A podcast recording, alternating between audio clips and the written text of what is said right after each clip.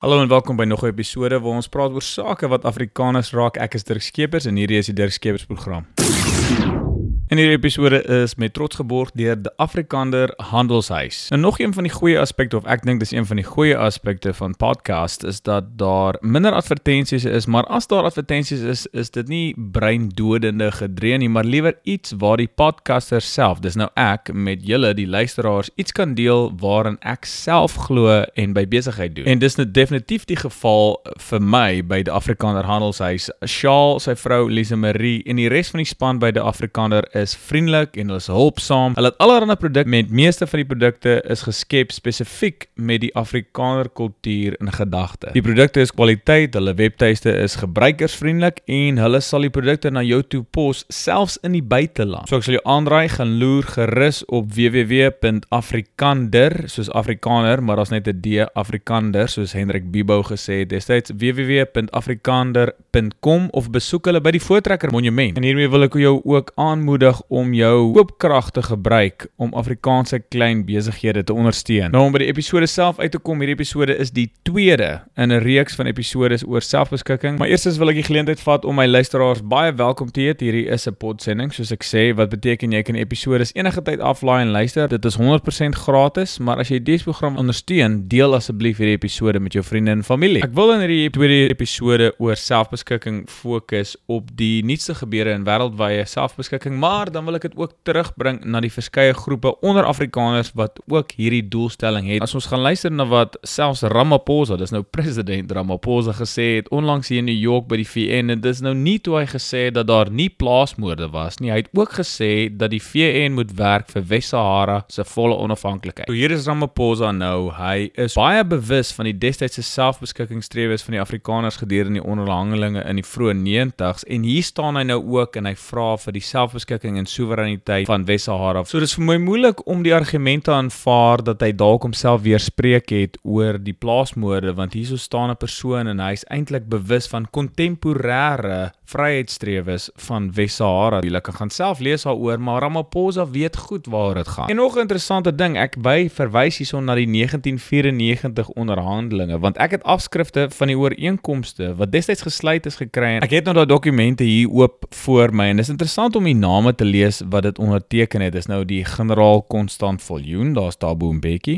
Rolf Meyer, professor Abraham Viljoen en 'n meneer Jurgen Kogel. En as ek verder blaai hier deur hierdie memorandum is daar ook laterike ene Frederik van Sail Slabbert en Breiten Breitenbach wat daar onderteken het en dit staan hier hulle daai dokument geformuleer. En ek gaan aan, ek bly blaai hier deur hierdie dokument. Baie interessant ook was die voorgestelde 6 autonome areas wat vir my lyk na Pretoria Oos en Wes, maar baie groter wat sommer die Oos en die Wesrand hier insluit lyk dit my. Dan is daar die autonome area tussen Alice Ras en Tabazimbi. Daar is nog een tussen Standerton en Newcastle, dan van Koffiefontein al die pad suidwes tot in Citrusdal. Laastens lyk dit my daar is plek ook gemaak al langs die tuinroete af van Swellendam, Nuisnadeur verby tot eintlik buite Uitenhage. Nou my eerste gedagte was dat dit mos onmoontlik sou wees om so 'n area te omheind of aan te af te baking op 'n manier en sodoende ook te kan beskerm. Daar is meer vrae gewoonlik as antwoorde as ek na hierdie kaart en na soortgelyke kaarte van ander organisasies kyk en ek kan nie help om te dink dat daar was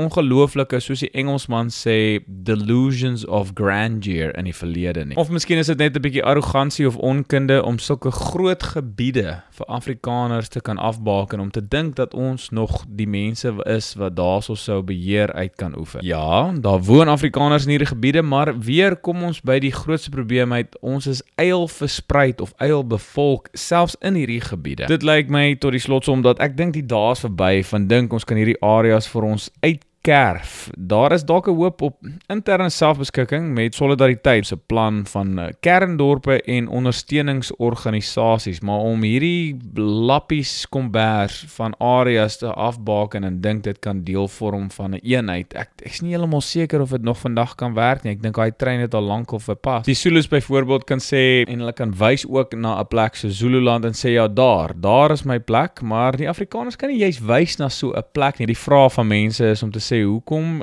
vir 'n ander bedeling stoot? Hoekom nie net sê ek is proudly South African? En ons het al in vorige episode hieraan geraak, maar die vraag wat ek aan mense soos dit stel is, hoekom sal jy jou karretjie gewilliglik wil vashak aan 'n plek met 'n regering en mense soos Suid-Afrika wat nie jou taal praat of jou kultuur deel nie? Maar weer eens, hierdie is die Dirk Skeepers program. Ek gee vir jou 'n bietjie van die feite, wat mense in die kommentare daaroor sê, 'n bietjie van my opinie en dan die belangrikste deel van hierdie program is ek gooi terug aan jou, my luisteraar. Weereens is hierdie hele idee van selfbeskikking nie dalk net 'n bietjie van 'n pypdroom vir die verregse rassiste soos hulle genoem word nie, die haatvolle mense of is dit die soeke na vryheid en 'n oplossing vir 'n beter lewe? Of is dit nie een van daardie twee opsies nie en ek mors net my tyd en my asem? Laat my weet in daardie kommentaar op Twitter. En dis eintlik waar ek hierdie episode gaan afsluit. As jy hou van wat ek hier probeer doen, maak seker jy druk die subscribe knoppie om in te teken en deel gerus hierdie episode so ver en wyd as wat jy kan met vriende en familie. En soos altyd, tot 'n volgende keer, mag jou voorspoed jou verveel.